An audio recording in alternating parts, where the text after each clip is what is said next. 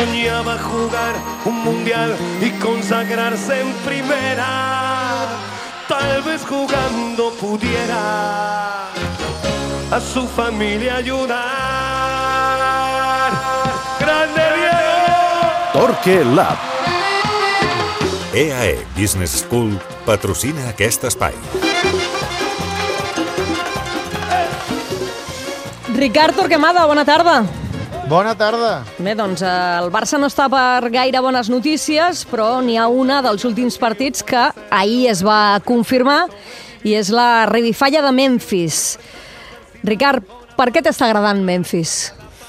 Mira, ara recordo que el Torquelab de dilluns passat en van parlar. Mm. Eh, no se'n Sí, recordeu? sí, que... ja reclamàvem alguns minuts més per Memphis. Això mateix, que uh -huh. pogués ser titular i... Ens ha fet cas, i, Xavi. I, I Xavi ho va fer i la veritat és que, que va funcionar.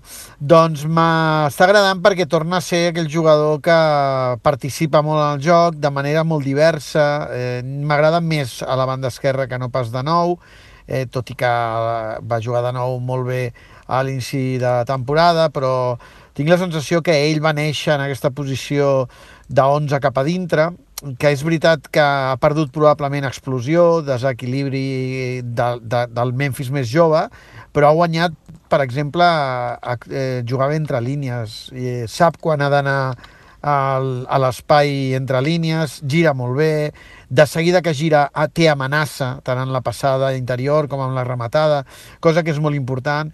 La sensació és que quan Memphis té la pilota, la defensa rival pateix, és a dir, eh, pot xutar porteria, pot fer una última passada. És un jugador que quan té la pilota és per atacar, i això no és eh, fàcil de trobar, ni, ni és senzill eh, en el cas del Barça, que necessita jugadors que amenacin la porteria rival. I Memphis ho fa de manera diversa, insisteixo. Eh, ahir el van veure en el cara a cara amb el lateral, el van veure entre línies, el van veure amb el xut exterior en la diagonal, eh, té molt bona relació amb el gol i torna a tenir aquesta sensació de ser important a l'equip, de participar molt, de ser molt influent en el joc d'atac i, i és una gran notícia que, que acabi la temporada pròxima com la va començar. Ara que, que parles de, de la influència en el joc i tenint en compte que, que Pedri ja no hi serà aquesta temporada, em fa la impressió, tot i que ahir vam veure un Barça molt vertical, amb molt poca pausa entre línies, però que, que Xavi, no sé si ha trobat, però pensa en Memphis com, com el, el focus ofensiu que ha perdut amb, amb el jugador canari. Um, potser sí. Mm, eh, saps què passa, Jordi? Que jo crec que Memphis pot fer moltes coses. Tens raó que, que mm, és una mica la referència, o ahir es va convertir en la referència. També és més fàcil quan Alba juga a la teva banda i és més fàcil quan no hi ha un extrem en amplitud a l'altre. El Barça, quan han jugat Dembélé i Adama, el joc ha girat molt més cap a la dreta. Però, clar, quan no hi són cap dels dos, amb la influència que té Jordi Alba, el pes que té Alba per accelerar, eh, i a la mateixa banda amb la societat amb Memphis, queda clar que l'equip s'inclina cap a l'esquerra, i les dades del Carles eren bestials, va passar de 70 participacions quan entre Ferran i Dembélé em sembla que no van arribar a les 50 eh, eh, en els mateixos minuts, clar, eh, o sigui, en els 90 minuts de partit. Clar, eh, això vol dir que el Barça va volcar molt el joc, però, però sí que és veritat que Memphis et dona aquesta pausa entre línies. A mi, jo li recordo grans minuts en aquestes situacions, eh, sempre recordo els mateixos, eh? la pròrroga de l'Aràbia Saudita, els minuts d'Elx, o quan Ferran va fer de nou, els minuts finals contra el Rayo, però en canvi és un jugador que és molt, és molt esmolat, ahir el van veure en el cara a cara, i ahir el van veure en una versió que no li havien vist tant, d'anar a l'espai a rebre pilotes de cara. On el perdem més, jo crec que és eh, com el vam veure a la primera part de, del Cádiz, contra blocs baixos, en contacte amb els centrals, volent rebre d'esquena a la porteria, però fixant, no girant, no, no, no, no, no guanyant distància per girar, sinó fixant, eh, atacant centrades laterals, que no està fet per això. Eh, ell, ell ha de fugir del contacte. Eh, mm ell ha de tenir una mica de distància amb la defensa.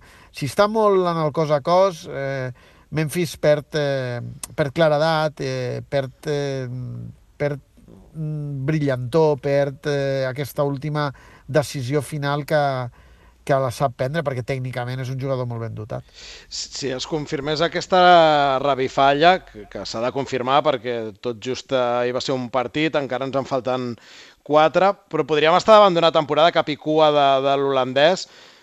A, a mi em fa la impressió, tu ahir feies un gran elogi de, de la temporada de, de Memphis, que, que el vam sobrecarregar tant d'importància i de minuts al principi que aquella fase intermitja en què, en què es va bloquejar i en què després van quedar lesions, gairebé és més culpa del context que no pas d'ell mateix. Sí, jo crec que es van ajuntar dues coses. Jo crec que ell no és un jugador regular, la seva carrera està plena de discontinuïtat, eh, era una oportunitat arribar al Barça per trobar un punt d'estabilitat i regularitat, eh, la seva arribada al United eh, molt aviat va ser eh, una muntanya russa, va començar molt bé i allò va anar caient, a l'Olímpic de Lió es va recuperar però no estava sota un focus molt potent i, i també va tenir trams de temporada en què probablement no va estar al millor nivell i al Barça li ha passat el mateix com a la selecció neerlandesa.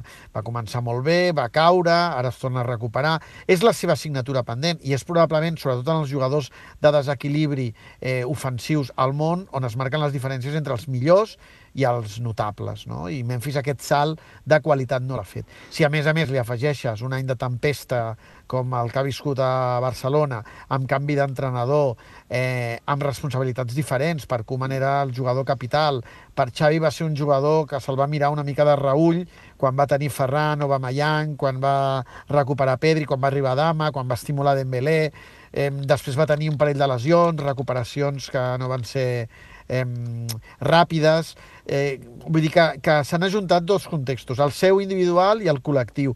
Però una cosa que m'ha sorprès és que, i ahir ho destacava Xavi, és que un jugador amb aquesta falta de continuïtat i de regularitat sempre està eh, una mica sota sospita de la seva mentalitat.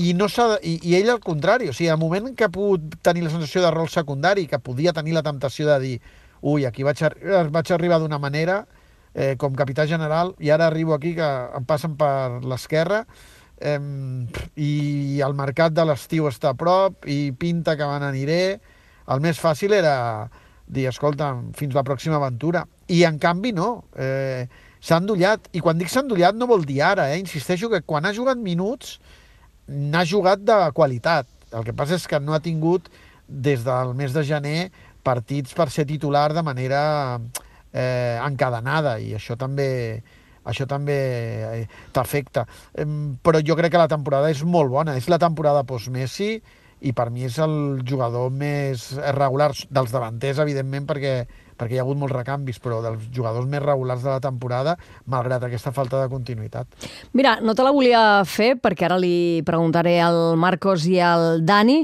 eh, però ja que has comentat el seu estat d'ànim i la situació, diríem, de futur que té Memphis, eh, la pregunta que fem avui als oients és què farien respecte al davanter neerlandès tenint en compte que li quedarà un any de contracte d'estiu i, per tant, hi ha dues opcions pel Barça, vendre'l o renovar-lo. Tu què faries, Ricard? Mira, jo de números no en sé, però pel que parleu vosaltres de números, jo crec que és la, és el, la víctima ideal. Eh, perquè pel que entenc, si va arribar lliure i se'n mm, va... És tot beneficinet, sí. Clar, però, però d'acord, però la pregunta és més futbolística. És a dir, tu el veus prou útil com per quedar-te'l, per intentar renovar-lo? O sigui, si jo, si, si, si Memphis no hagués de renovar, no tindria cap dubte que me'l quedaria.